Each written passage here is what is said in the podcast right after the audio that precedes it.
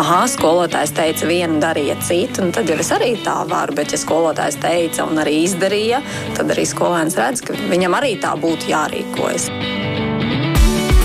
Skola un augšana, attiecības un sadzīve, fiziskā un emocionālā veselība. Par šo un daudz ko citu raidījumā ģimenes studija.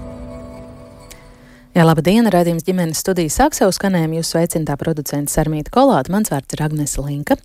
Kas ir zīdaiņu pēkšņās nāves sindroms? Vai esam par to gana zinoši, vai varbūt vispār informācijas par potenciālām nelaimēm jaunajiem vecākiem ir par daudz?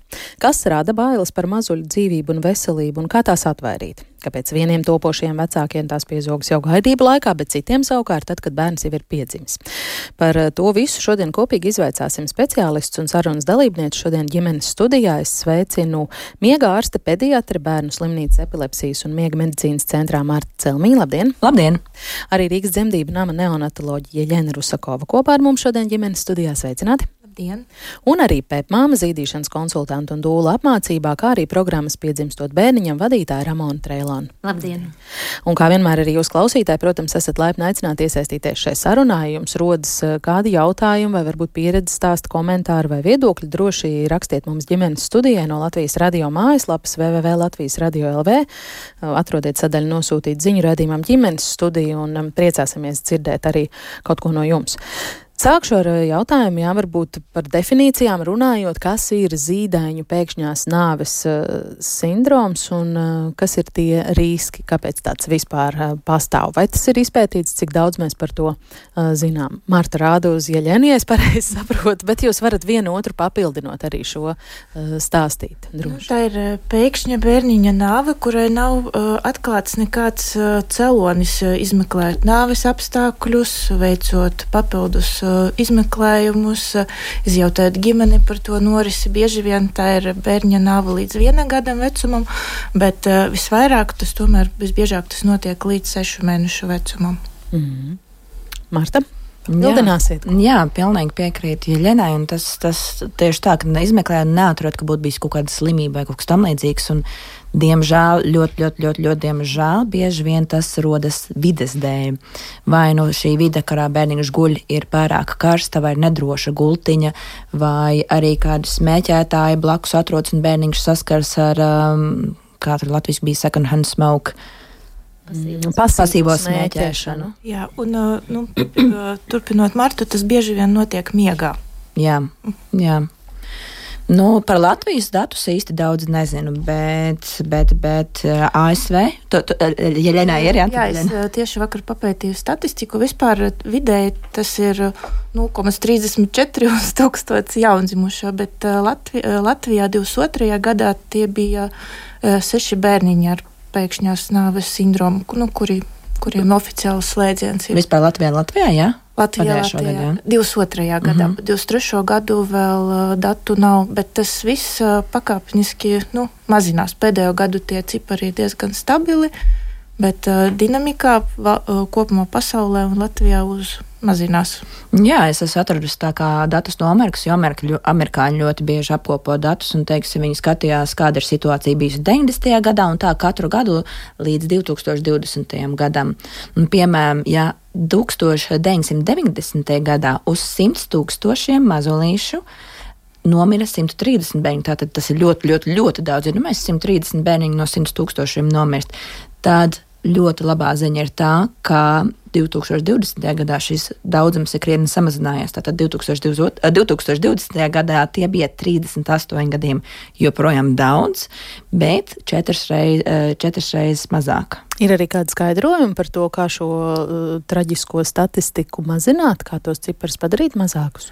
Nu, tie cipari palika mazāki, jo 90. gadsimtos uh, ga, gados tieši Jā. aktualizēja to programmu, ka bērniem jāguļ tieši uz muguriņas. Par to sāka vairāk runāt, par visiem tiem profilakses pasākumiem, ko mēs varam uh, pielietot, par pare, nu, tieši vairāk par pareizo bērnu gulēšanu. Nu jā, tā ir tieši atkal mana tēma, kā miega speciālists tēma, un par to, ja kas klausītāji var sīkāk palasīt Bērnu Kliniskās universitātes mājaslapā www.veselapasaule.lv. Spiežot... Tomēr mums ir mērķis izstāstīt. Jā, jā, jā protams, es vienkārši, ka, lai uzreiz jau zinājām, var ieslēgt uzreiz un vilkt ar pirkstu mhm. līdzi, uh, uzspiežot uz pogas lasītā un pēc tam miegs. Un uh, tā tad, tā kā Jeļaņa jau teica, tā bērniņa nāve notiek miegā, un tātad mums jānodrošina, lai šie apstākļi miegam būtu droši un uh, lai nebūtu nebūtu, lai mazinātu risku. Tātad, jā, kā jau Jeļena eh, minēja, guldināt bērniņu uz muguras. Tas agrāk bija tā, ka uz vēdera likās, ka būs drošāk, bet tomēr pētījumi ir pierādījuši, ka gulēšana uz muguras ir drošāka. Un, un ārkārt, ne uz sāniem. Un ne uz sāniem, jā. Un ne visādas likdiņas, kas tur pozicionēja bērniņu, izņemot, ja to norādīs citādāk neanatologas bērniem, kurš, piemēram, priekšlaicīgi dzimis. Bet gultiņai jābūt drošai. Tātad viens no svarīgākajiem tādiem norādījumiem ir bērniņam pirmo sešu mēnešu uh, laikā, pirmos sešus mē, dzīves mēnešus, jāpavada ar vecāku vienā un tajā pašā istabā. Jāguļ. Vēlams līdz 12 mēnešu vecumam, bet pirmos sešus mēnešus noteikti.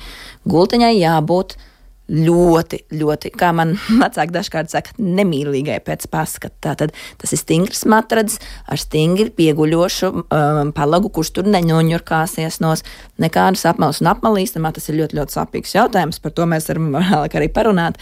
Nekādas apmales, nekādi spilveni, nekādas segas, nekādas mīkstās rotaļlietas, nekas ar kaut kādām lentītēm, kas var sasieties, eh, sapiņķerēties un tam līdzīgi. Tātad kopumā pediatru asociācijas pasaulē rekomendē gulēt bērniņam atsevišķi, nevis ar vecākiem vienā gultā, bet strādājot ar ļoti, ļoti daudziem vecākiem, es zinu, ka daudzi vecāki tomēr guļ bērniņu vienā gultā. Un mans galvenais uzdevums ir nevis teikt, nē, tu slikti dari, un nevis iedzīt vecāku stresā, jo es zinu, ka viņi jutīsies vainīgi, bet darīs tāpatās. Mans galvenais uh, uzdevums ir panākt, ja viņi arī guļ ar bērniņu vienā gultā, lai to dara droši. Tad, tad, tad tur saglabājas tas pats stingrs matracis, stingri pieguļošs palaks, nekādas segas, nekādi spilveni, nekādi citi bērni, suņi, kaķi un pitoni gultā vai, vai, vai kaut kas tam līdzīgs. Un, No apmales tas ir, man liekas, sāpīgs jautājums, jo māmiņu kluba sižets, kurā vienreiz arī piedalījos, mēs braucām pie vienas ģimenes. Māmiņa rādīja to gultiņu, un viņa teica, jā, bet, ja es nelieku tās apmales, tad izskatās tik nemīlīgi, tik augsti. Tās apmales un tas viss smukais Instagramā, Instagrama bildē gatavā gultiņa, tas ir tas, kas vecākiem vajadzīgs. Un šeit pat pieminot to pašu ASV statistiku, ja zīdaiņu pēkšņās nāves sindroms daudzums samazinājās no 90. gadiem uz 2020. gadu, kā mēs jau ar Jeļenu minējām, tieši tādēļ, ka ir uzlabojusies šī gulēšanas vide, tad arī temperatūrai tiek pievērsta uzmanība un, un bērniņa guldīšanai, tad, diemžēl, bērniņa nāve, bērniņam netīšām nožņaudzoties vai nosmokot, ir pieaugusi astoņas reizes.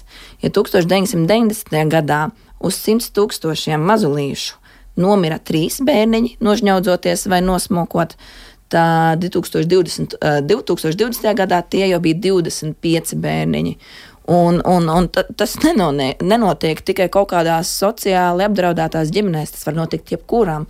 ASV bija viena māma, kurai, es nemaldos, 2000. gadu sākumā vai 2011. gadu sākumā viņas dažu nedēļas vecais mazlīts kaut kādā veidā bija pierotējis kaut kādai apmalē, viņš ar seju tur bija iekļuvis iekšā un mazulis. Pirmkārt, viņa smadzenes vēl nav tik ļoti nobriedušas un attīstītas, lai justu to, ka viņam krīt skābeklis vai pieaug CO2, tātad ogliskābā gāze. Otrkārt, mazulīšiem nav tā spēka iz, izturēties ārā. Jā, un, jā. Un, un, un viņi nomira tātad no 2022. gadā prezidents Baidens parakstīja likumu, kas ar likumu aizliedz ražot un pārdot apmales. Mm. Nu jā, labi.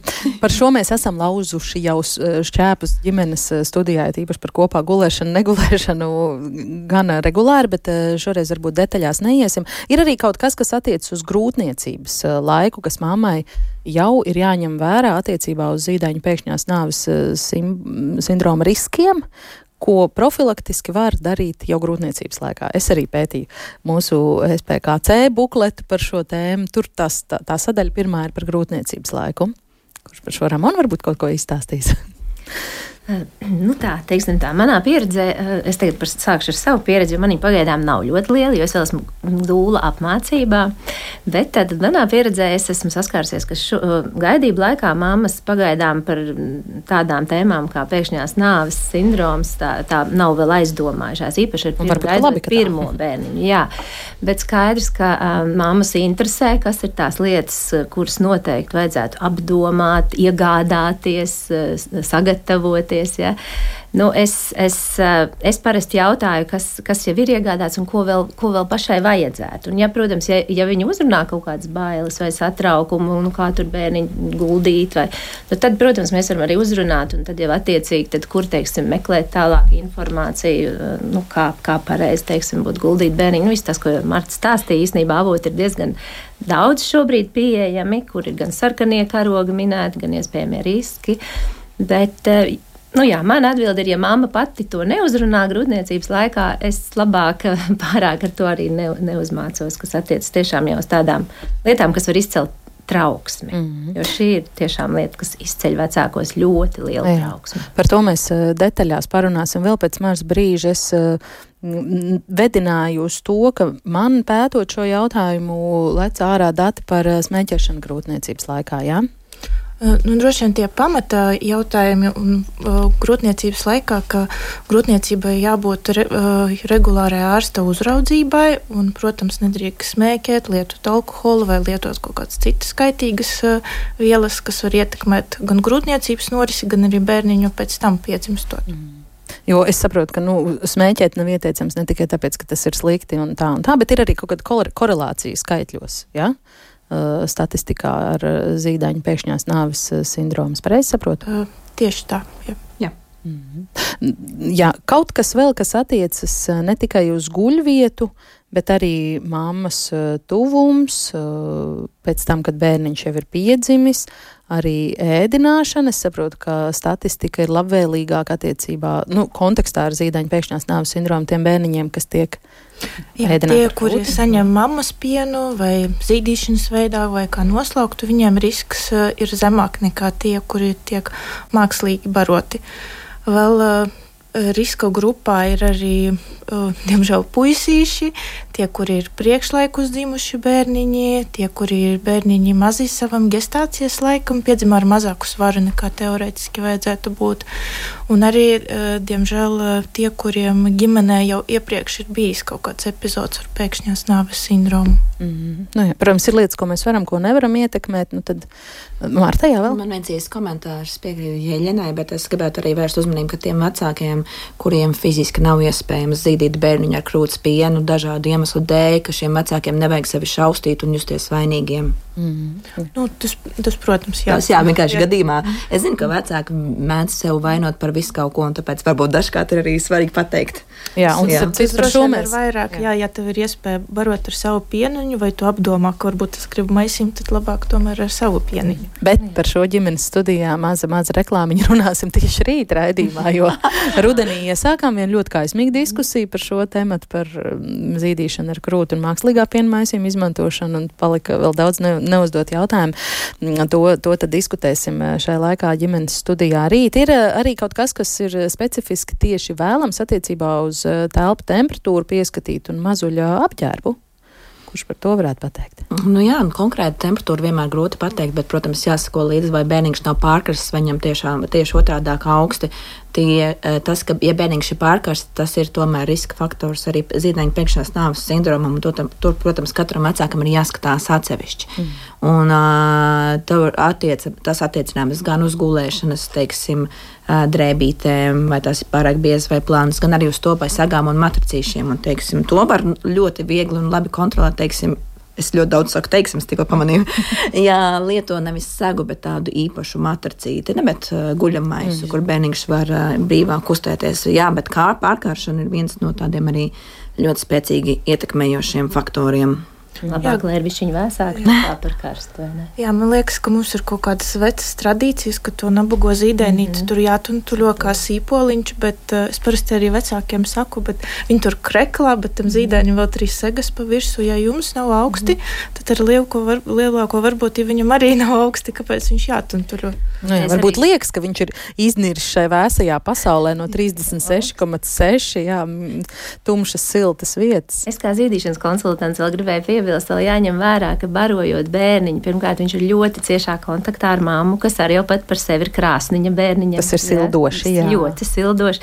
Turklāt zīst, tas ir mega darbs bērnam, līdz ar ko arī tas ir jāņem vērā, jo es tiešām bieži vien aiz, aizdodos mājvizītēs un es redzu bērns satuntuļots uz mammai pie krūts, slapis jau pakausīts, jā, un, bet, nu, tās bailes, kā jau mēs to uzminējām, jā, ka labāk, lai ir silti, bet jā, ļoti labi, ka šis tiek uzrunāts, tad labāk ir bišķiņ vēsāk nekā, ja pārkarst bērns. Jā, un zīdot tiešām var pat plikiņu zīdīt, viņu uz, uzklāja plediņu virsū un rāda āda kontakts zīdīšanas laikā. Tā ir slodze. Tāpat tās, ka mēs aizietu, izskriet vai pavingrot. Jā, jā. Kopumā, ja es jums vaicātu, kā jūs teiktu, vai mēs kā sabiedrība esam pietiekami informēti par zīdaiņu pēkšņās nāves sindromu, par visiem šiem riskiem, Nu, īstenībā es mēdzu sekot līdzi dažādiem māmiņu fórumiem. Tāpēc, lai varbūt izietu ārā no savas sociālā burbuļa, lai redzētu, turētu roku uz pulsu. Viena no šīm grupām ir um, fórums, atsaucīgo māmiņu fórums Facebook. Tur ik pa mirklim, starp citu, par šo runā. Mana, man, mana kā miega speciālista sāp ir šīs apmales. Māmas zina terminu zīmēm piekšās nāves sindroms, tādu lietu viņas lieto. Jā. Bet tas man šķiet, cik es esmu novērojis, diezgan tā vispārīgi tiek teikts, jā, lai izvairītos. Un tad, kad, teiksim, eh, reklāmās tiek, pra, tiek reklamētas šīs apmales, un, un, un piemēram, tādā krāsā, no tāda auduma bērniem draudzīgi. Stingras, stingras cietas, cietas vai mīkstas pītiņas, eh, cik skaistas, skaistas, skaistas, ja ir kādi vecāki, kas norāda. Šito nevajag. Tas ir zīdaiņa pēkšņās nāves sindroma risks. Tad ir vienam komentāram ir ļoti daudz pretkomentāru. Ko jūs ar to ar savu zīdaiņu pēkšņās nāves sindromu risku tur runājat? Tas man nenotiks un tā. Un, Un šī ir tā lieta, ko man šķiet, ka sabiedrībā vajadzētu runāt. Jā, to zina, bet ko tas īsti nozīmē? Ka tas reāli var notikt. Un, Lena, cik teici, ir bijis seši nāves gadījumi? Jā. Pat viens nāves gadījums gadā būtu par daudz. Pat viens, jā.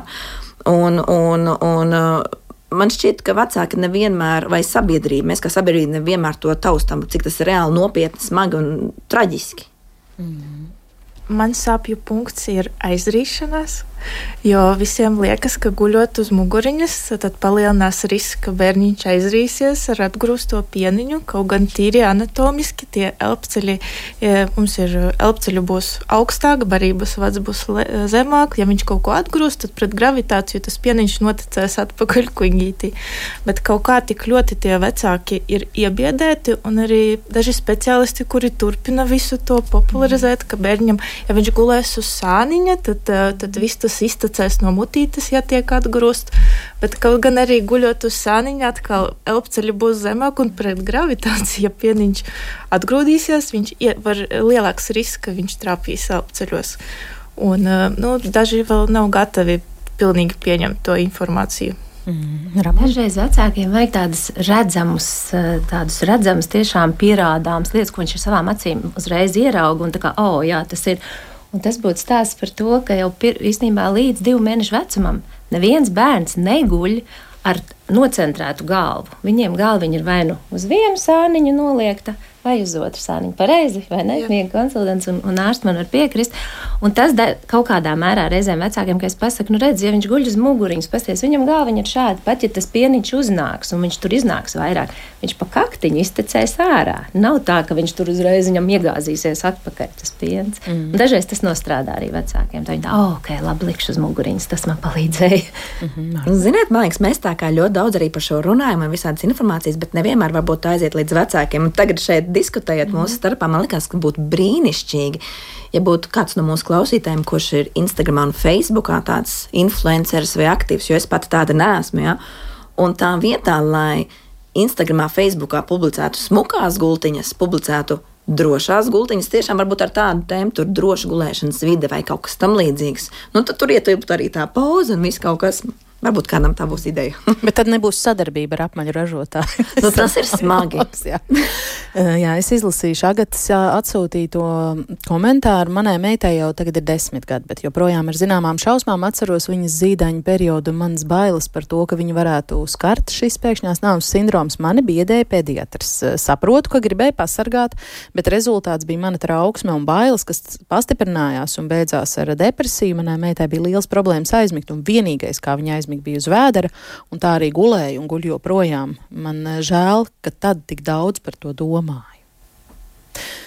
Tas droši vien ir jautājums par to, kā vecākiem, kad jaunajiem vecākiem, kā viņiem šo informāciju pasniegt. Jā. Vai varbūt kāds eh, cita veida komentārs šeit nāk prātā, vai replika par agatas rakstīto? Es domāju, ka ļoti saprotama mammas sajūta, ļoti, ļoti saprotama. Māma grib labāko savam bērnam, un, ja visur mēs ejam ar aizliegumiem, aizliegumiem, aizliegumiem, tas tiešām liekas pārvēršas stresā. Tad es domāju, ka tieši mums vajadzētu tādu pozitīvo ziņu, arī tieši pēc varbūt sauc kā kaut kāda influencer, kas rādītu pozitīvos piemērus. Dariet šādi, dariet šādi, dariet šādi, tas ir droši bērniņam. Mhm. Bet nu, tad atkal man kā mammai ir, ja manī ir šī trauksme, tad uh, pirmkārt uh, es nevaru bērnu aizmidzināt uz muguras. Viņš labi guļ uz uh, vēdera un cik garš tik plats. Mēs esam abas divas frustrācijā, jo bērns neguļ un es esmu uh, stresā.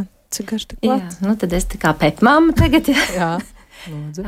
Ir, jā, man, protams, arī ļoti bieži ir māmiņas, kas uzrunā šādu trauksmi, kad ir kaut kāda informācija, ko man tagad darīt, jo es redzu, ka ikdienā man tas īsti nestrādā. Un, Nu tad, eh, protams, tas pirmais darbs ir vispirms uzrunāt to trauksmu, tas jau ir labi, kad, kad klausītāji ir atrakstījis. Tas jau ir liels solis, kas nozīmē, ka viņi jau ir apzinājusies, kas ir tā viņas tā. Tas trauksmes iemesls viņa nosaukusi vārdā. Nu, jā, bet tas bija pirms desmit gadiem. Viņa ah, joprojām jā, par to domā. Jā, jā, bet šis būtu sākums, un ko tad pepmāmas arī parasti dara. Mēs aizdodamies, mēs klausāmies. Pirmais ir klausīties, kas tad ir tas, no kā, kas to trauksmi rada kas ir tie, tie jautājumi, kas paceļ to trauksmi.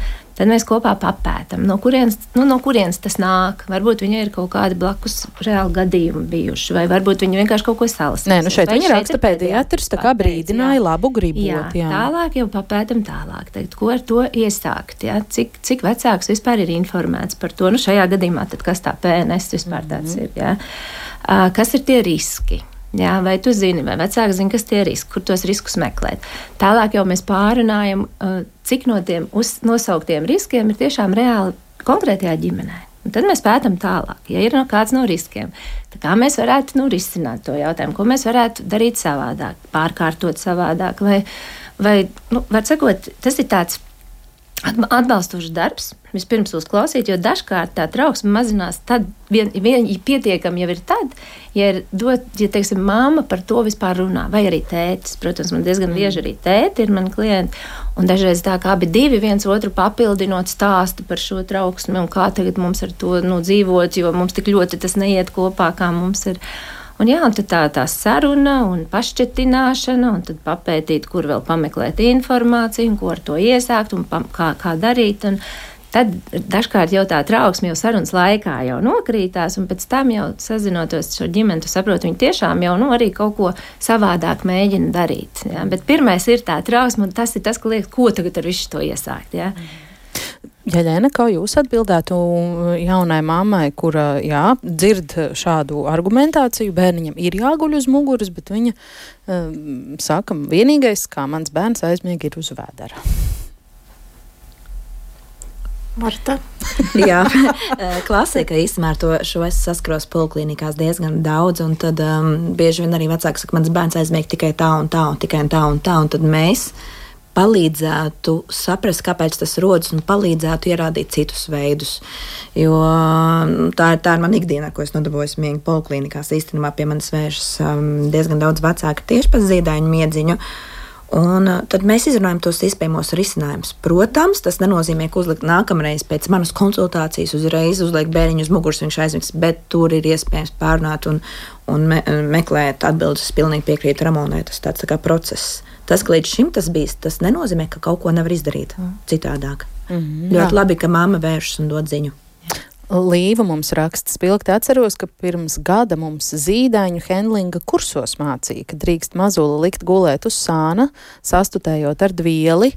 Visos, visos vadošajos angļu valodā saitos ir ar sarkanām izsaukuma zīmēm rakstīts zīdainis drīz gulēt tikai uz muguras, bez segas spilvena mantiņām apmalēm, bet kāpēc tā?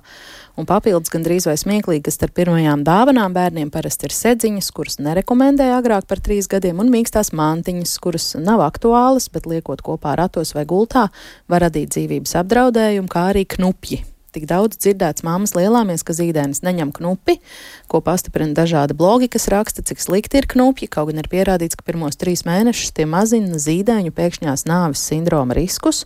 Vispār es plānoju ar otro bērnu pirkt speciālu zīdaiņu zeķi, kas mēra pulsu, lai mazinātu lieku trauksmi. Tādas arī ir zeķes. Tas nav mans jautājums. Ir, nu, te bija daudz visa, jā, kā šeit stāstā.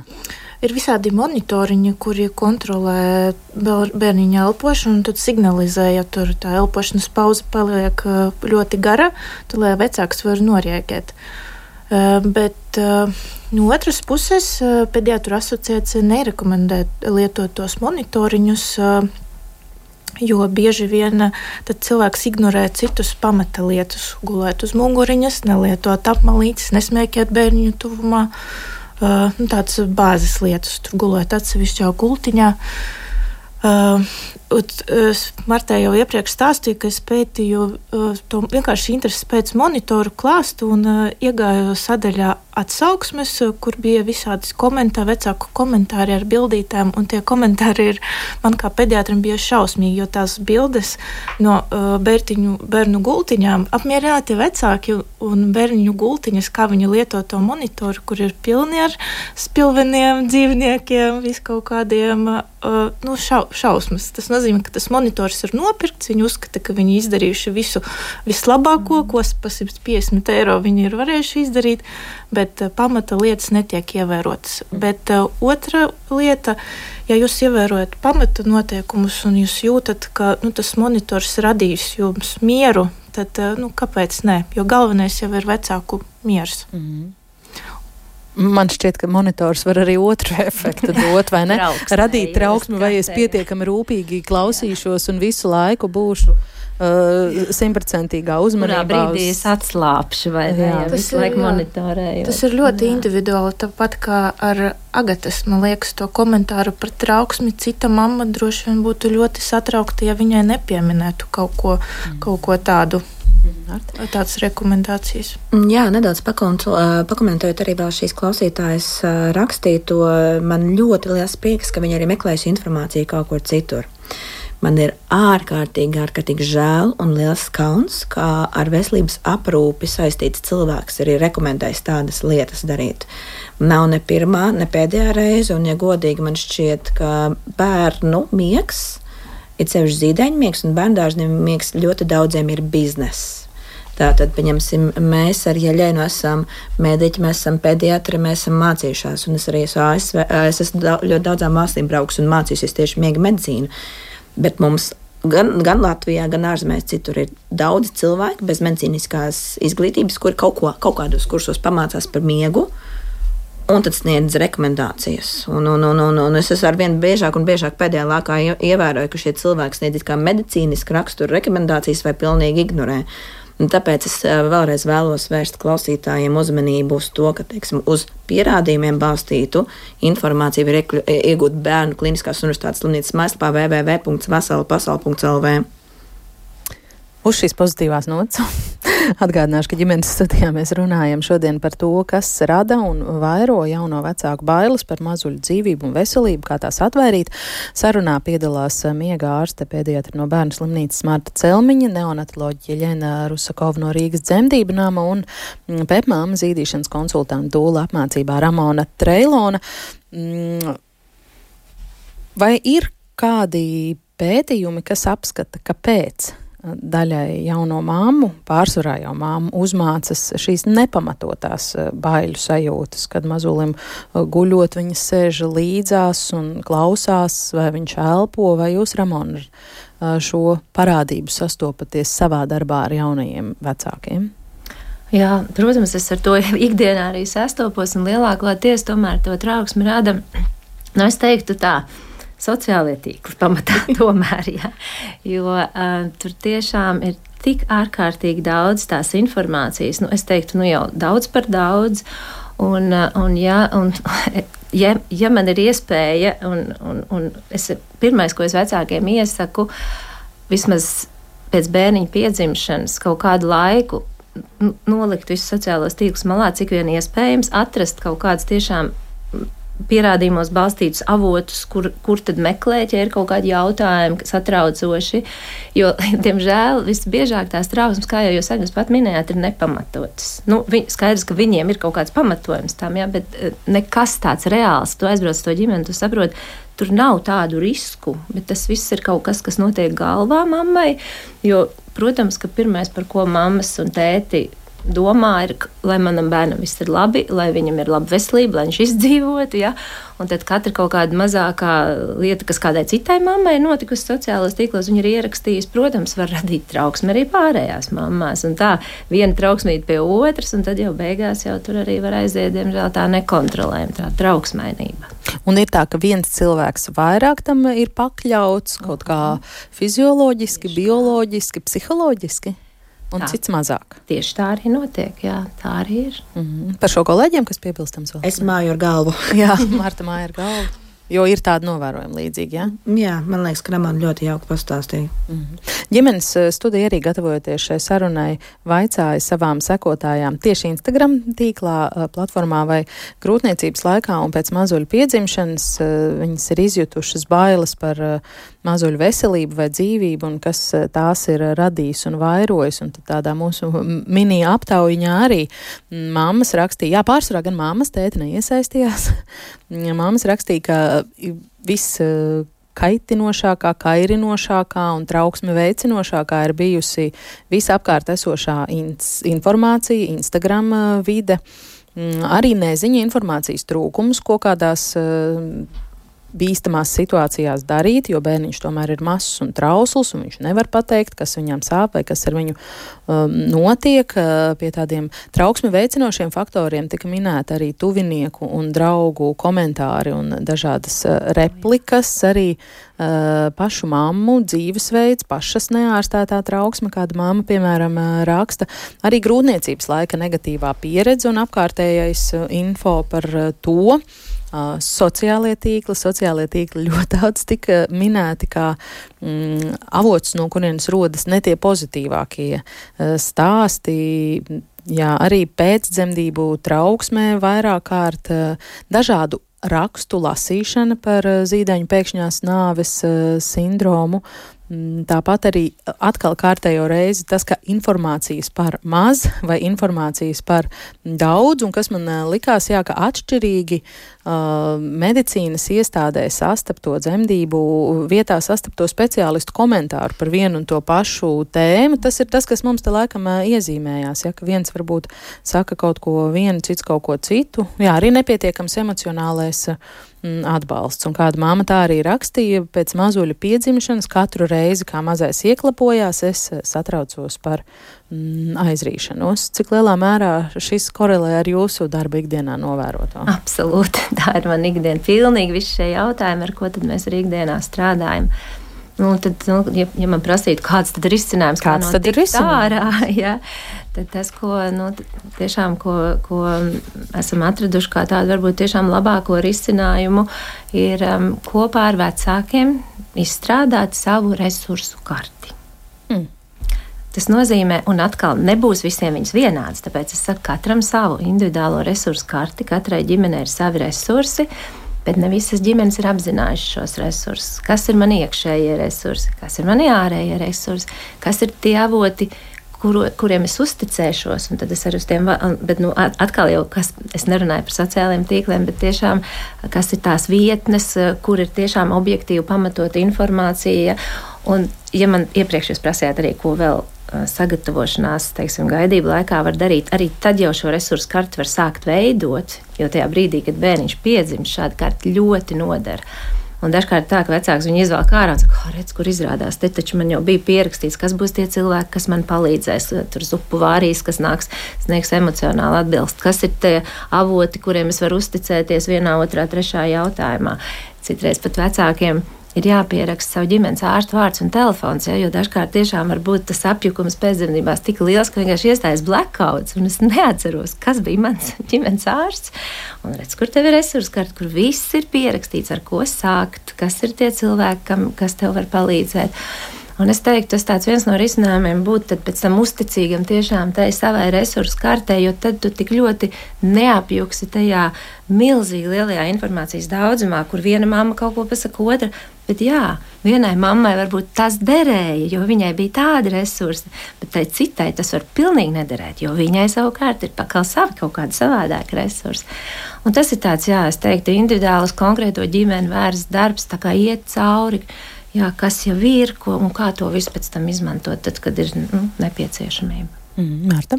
Man šķiet, tas ir ļoti, ļoti brīnišķīgs plāns un labs tā, tā kā instruments. Un tad vēl, es vēl vēlētos teikt, šī gan pēdējā laikā jau ir aktualizēta tēma, bet pēcdzemdību depresija. Mm -hmm. Gan mammai, gan māmas tuviem cilvēkiem būt tā kā uzmanīgiem skatīties, vai mammai tiešām nav kādas šīs depresijas pazīmes. Jo pats cilvēks, kuram depresija bieži vien to pats var nepamanīt, un tad arī it kā ikdienā normālas lietas šķiet kā traģēdija. Tātad tas ir ļoti, ļoti spēcīgs faktors. Un man šķiet, jau eh, šajos piemēros, kas, ko klausītāji minēja, diezgan daudz bija pēcdzemdību trauksme. Mm -hmm. ja. Ko rada gan ļoti daudz informācijas, gan informācijas trūkums. Tur tas pretrunīgs arī brīžiem tās. Un, diemžēl, dažkārt arī tuvi apkārtēji cilvēki Jā. ļoti lielā mērā var radīt jaunajā ģimenē trauksmi, jo viņiem ir savas pieredzes vecās, savi uzskati. Ne tikai vecās pieredzes, bet arī, jā, arī, arī nu, jā. Manām draudzenēm visām bērni guļ labi, vai manām draudzenēm visām ir tā, Arī. un manam bērnam ir tikai tas un tas. Tas nozīmē, ka manam bērnam kaut kas nav, kaut, nav kārtībā. Jā, jā. Nu, lūk, piemēram, kāda klausītāja parakstījusies kā vecmāmiņa, eh, vaicā um, atkal par zīdaiņu pēkšņās nāves uh, sindromu. Sakiet, lūdzu, vai šāda zīdaiņu nāve arī senos laikos bija izplatīta, vai tā ir aktuāla tikai pēdējos gados, jo jaunībā nekad neko tādu nedzirdēju un nezināju.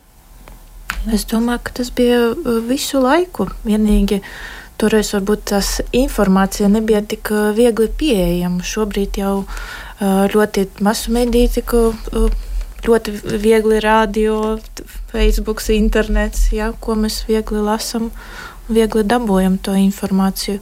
Arī kaut kāds konkrēts ģimenes stāsts ātri kļūst tāds mm. dzirdams un zināms. Jā, no tiem pašiem Amerikas datiem apkopāti 2020. gada, diemžēl mir, mirušo bērniņu nāves iemesls. Tās ir nāves, negaidītas nāves, kā jau mēs sākumā minējām. Nav tā, ka bērnam kaut kāda slim, smaga slimība vai ģenētiskais sindroms, tāpēc viņš nomirst, bet vienkārši iepriekš vesels bērniņš nomirs. Um, 41% no visiem šiem mirušiem bērniņiem ir zīdaiņu pēkšņās nāves sindroms. Tātad nav zināms iemesls. 27% no visiem mirušiem bērniņiem tieši bija netīšas nožņaukšanās vai nosmakšanas dēļ, un 32 pierakstīts vispār nav zināms iemesls. Tātad tas varēja būt arī iespējams kaut kādas slimības dēļ vai kas tamlīdzīgs, bet 41% no mirušajiem bērniņiem tieši zīdaiņu pēkšņi. Tie ir svaigi dati, jā, tie jau svaigi. jautā par pagātni, vai kaut kas tāds traģisks fenomens ir eksistējis. Protams. Cilvēces pagātnē. Jā, to, ar to es gribu parādīt, ka tas, tas ne, tā nav kultūrāla iezīme. Tieši kā Jeļena sākumā stāstīja, tagad tie cipari mazinās. Tātad senākais, ko es pašlaik atradu, bija 1990. gads, un mēs redzam, ka Trīs reizes, jā, trīs reizes mazinājies šis dzīvnieku priekšās nāves sindroms. Tas bija jau agrāk.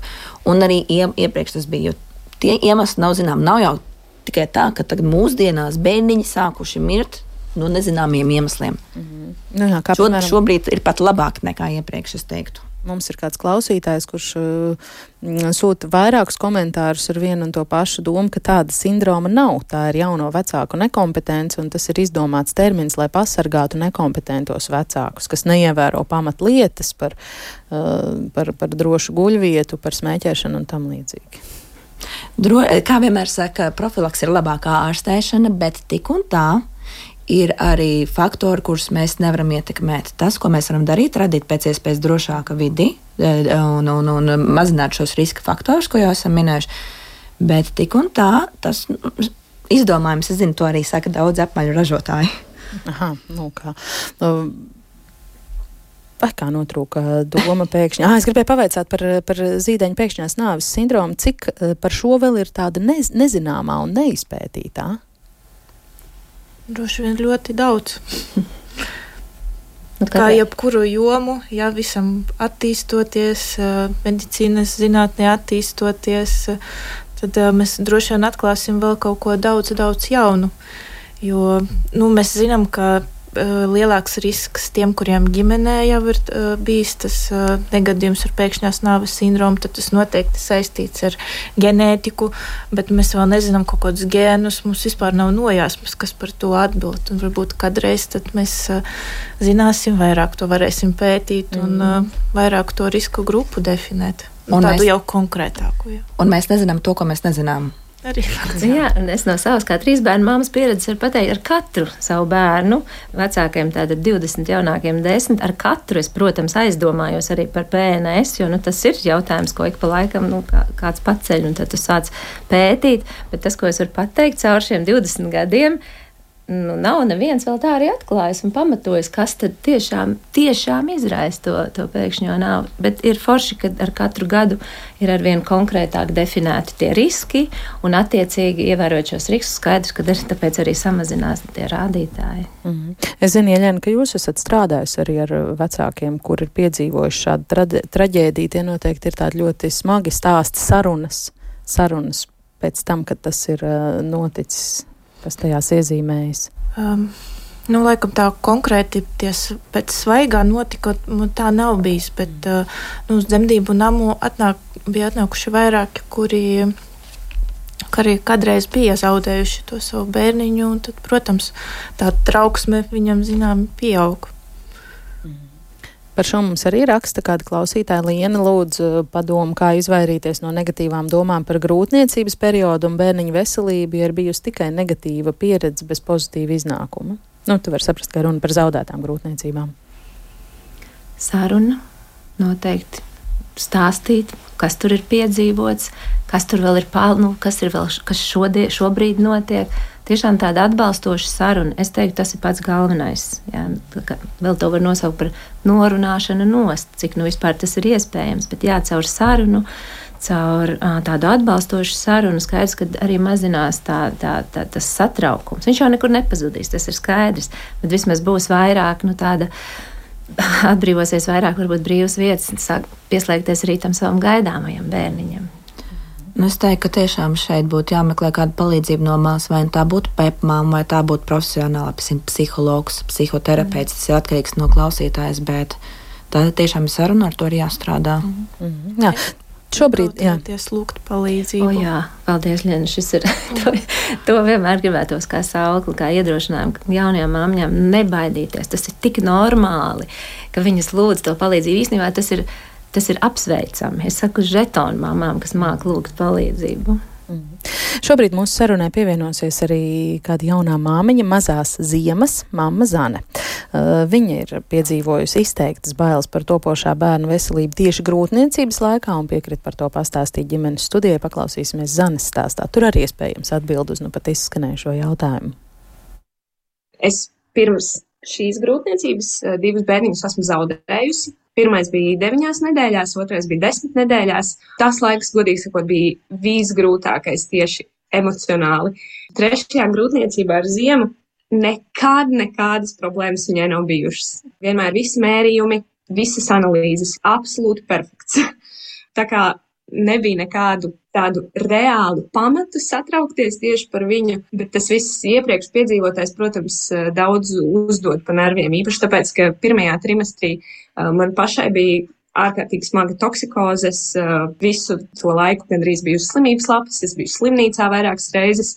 Tā kā tas bija arī fiziski tāds ļoti grūts posms, bet Ziema visu laiku tā smuki turējās. Un ar visām ultrasonogrāfijām, kuras man bija ārkārtīgi daudz, viņa lika manīt, ka viss ir kārtībā.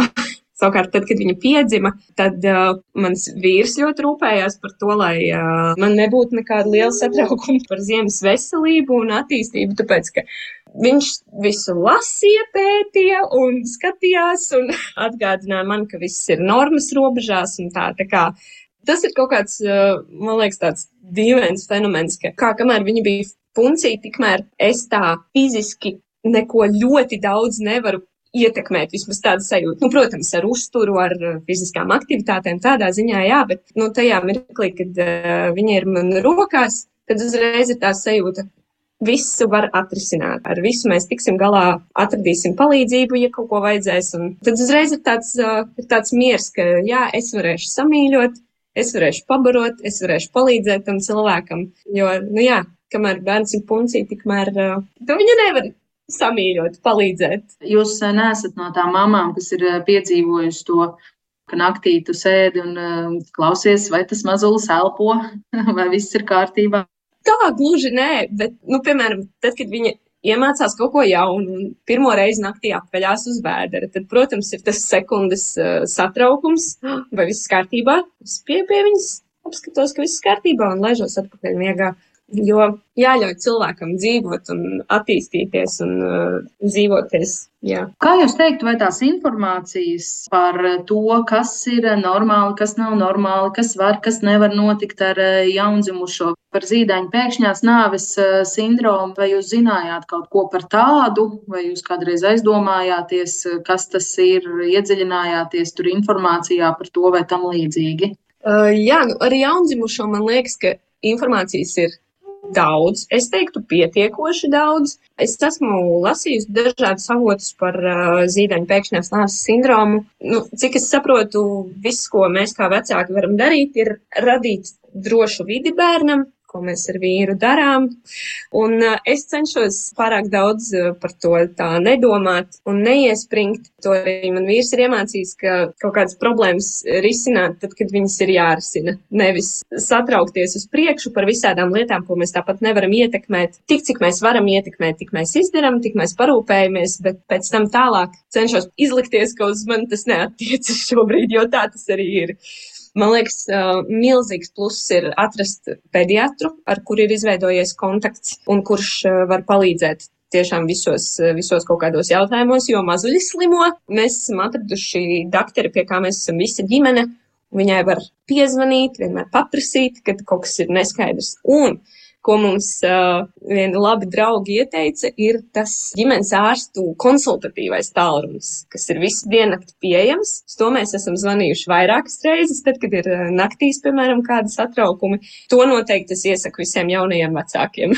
Nekautrēties un zvanīt bez maksas un prasīt visu, kas uz sirds. Tad, kad eh, jūs grūtniecības sākuma posmā izdzīvojāt eh, tās stresa situācijas un eh, bailes par mazuļa saglabāšanu, kas bija tas, kas jums palīdzēja to pārvarēt? Es teiktu tikai un vienīgi laiks.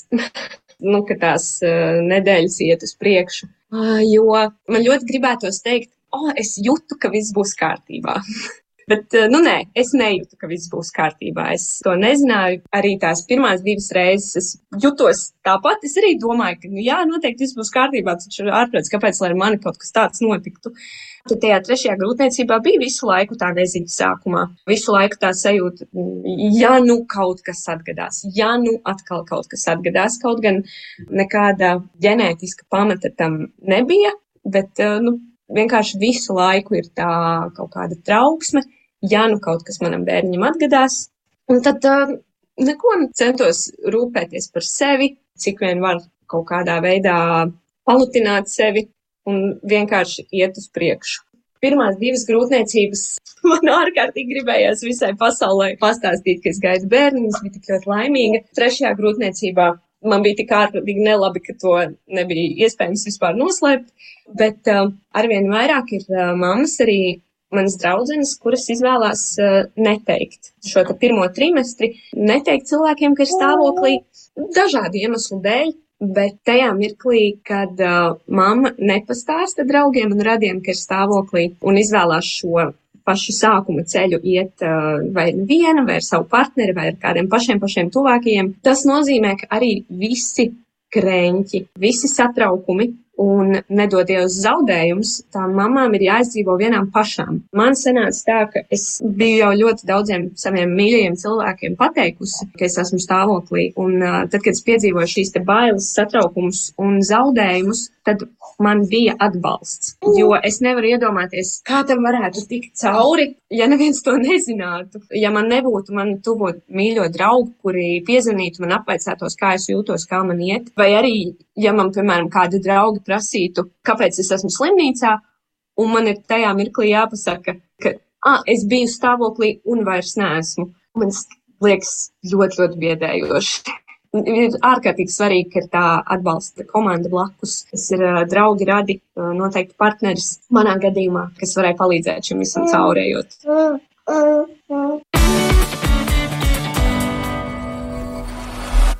Jā, tālūk, ziemas mamma Zane. Um, vai ir kaut kas, ko komentēt, piebilst par viņas teikto? Man ļoti patika uh, Zanes komentārs par to, ka bērniņam uh, nav jābaidās un jāļauj uh, dzīvot un attīstīties. Tas man kā pediatram vienkārši bija uh, ļoti patīkami to dzirdēt. Jā. Marta? Nu, man... Kaut kas, ko akcentēt. Jā, man arī patīk arī tas, ko māma teica pašu pēdējo par teikšanu, neteikšanu. Man liekas, tas ir arī ļoti, ļoti individuāli. Tas katram cilvēkam vienam būs vajadzīgs, lai viņam atbalsts, otram atkal gribēsies vienam pašam to iziet. Tā kā vēl viena lieta - nebaidieties meklēt palīdzību un jautāt. Mm -hmm. Ārkārtīgi skaists vārds - ziema. Jā, mēs arī nopriecājāmies. Jā, es, es, es pie, piekrītu, nu, kā pēkmām, un tiešām ikdienā arī strādājot tieši vairāk ar jaundzimušām ģimenēm. Esmu arī atbalstījusi vecākus bērnu zaudējumu gadījumā, un, un es absolūti piekrītu Zanas teiktajam, ka nu, tas, ko es redzu, novēroju, ka tomēr vieglāk ir tām mamām, kuras, kurām ir apkārt cilvēki, ar ko pārunāt. Ar ko, kuriem izstāstīt, jā, jo skaidrs, viss, ko mēs nesam sevī, rada tomēr tādu papildus spriedzi. Uh, Un tādēļ es arī cenšos parasti vecākus iedrošināt, tomēr, ja, ja, ja ir sajūta, ka tomēr gribās dalīties, dalieties. Un, pēc, un ja tiešām kaut kas notiek, tad izdzīvosiet kopā. Nu, tā ir arī nu, sērošana, jā, izsērot kopā. Tu nevari viens izsērot, tev vajag atbalstu apkārt. Un es esmu vairāk jā, par to, ka jārunā, jārunā, jāstāsta, jāatrod tos cilvēkus, kam uzticēties un ar ko runāt. Tad viss būs. Māja mums saka paldies par raidījumu, raksta, ka tas viņiem bijis vērtīgs un atzīstās, ka esmu lūgus dažādu palīdzību no vīra vecākiem un viņa tuvajiem, bet saņemts pretī liels negācijas, izsmiekls par bērnu, noniecināšanu, negatīva salīdzināšana. Arī vīra rados ir psiholoģi, kas atteic palīdzību atrunājoties, ka būs interešu konflikts, parādās bezspēcības sajūta, ja savējie ignorē. Man ļoti, protams, žēl šo dzirdēt, un ir, esmu piedzīvojuši arī šādas ģimenes. Uh, nu, tad mēs atkal kopā to izrunājam. Un, un es mēģinu iedrošināt tiešām vecākus, un, un ja viņi paši arī uz to vis, vis, visbiežāk arī virzās, ka tad tiešām kādu laiku vienkārši izvairīties no šādiem kontaktiem. Un īpaši tiešām tajā tik satraucošajā sākuma fāzē, kad bērniņš ir tikko piedzimis un, un mamma ir tik daudz apjukumu, un arī tēti, un hormoni dara savu. Tad tiešām, ja ir nu, es teiktu, maksimāli no šādām negācijām pašiem sevi arī nodistancēt un meklēt tā vietā savukārt tā cilvēks, kas iedrošina, iedvesmo. Mm. Jā, un ar ko tad var izrunāt visu? Jo iespējams, ka palīdzība atrodas vai atbalsts Noteikti. arī ārpus tā savējo jā, loka. Jā, es tieši to gribēju teikt, nevienmēr tuvie cilvēki būs asinis un ģimene. Mm. Jā. Tad tu, tu to var rast arī. Rast Marta arī. pilnīgi izrauga. Paldies par sarunu ģimenes studijā. Šodien teikšu jums visām trim ekspertēm, kas atradāt savu laiku padalīties ar mūsu klausītājiem ar savām zināšanām. Miega ārsta pediatra no bērnu slimnīcas Marta Celmiņa, Jeļena Rusakova no Rīgas dzemdībnām, neonatoloģu un arī pepmām zīdīšanas konsultantu un dūla apmācībā Ramona Treilona. Šodien bija kopā ar mums ģimenes studijā raidījumu veidojas Armīta Kolāta pie skaņa pults bija Katrīna Bramberga, mans vārds ir Agnese Linka. Rīt, kā jau pieminēju, tad ģimenes studijā mēs šeit turpināsim jau rudenī kaismīgi iesākto diskusiju par mākslīgā mm, piena maisījumu ietekmi uz bērnu veselību, kā veicināt mazuļu barošanu ar mātes pienu, vienlaikus neizdarot spiedienu uz sievietēm, kam eh, pašām zīdīšana neizdodas. Par to saruna arī ģimenes studijā, kā vienmēr no diviem līdz trījiem. Klausieties mūs arī podkāstos, mobilajā lietotnē un sekojiet ģimenes studijai sociālos tīklos uz sacirdēšanos.